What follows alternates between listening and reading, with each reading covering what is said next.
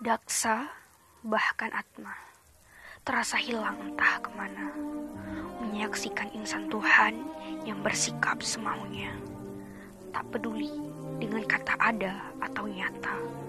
Mereka hanya berjalan untuk sebuah tahta dan kuasa. Pada hening yang berisik memekakan gendang telinga, aku berpesan melalui jerit malam tak bersuara.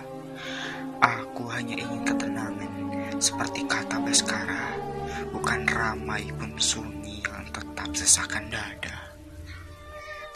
Sesekali ku termenung merenungkan kata apa yang pas untuk kusandingkan dengan kekacauan di kepala.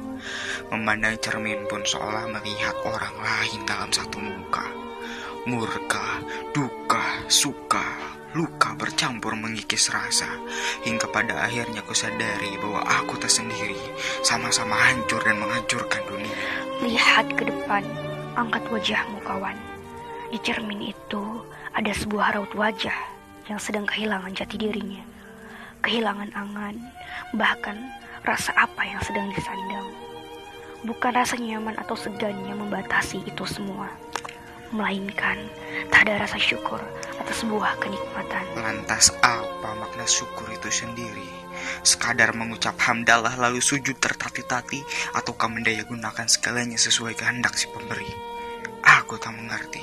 Mengapa orang-orang menyuruhku mensyukuri nikmat yang bahkan tak kunikmati? Sebuah nikmat itu terasa, tapi tak tampak keasliannya. Sudah ada di sini saja, itu sebuah nikmat. Sudah bisa berdiri tanpa bantuan atau pangkuan, itu sudah nikmat. Nikmat itu bagaikan serayu, lembut menyapa kulitmu, dan berkata bahwa Tuhan selalu ada untuk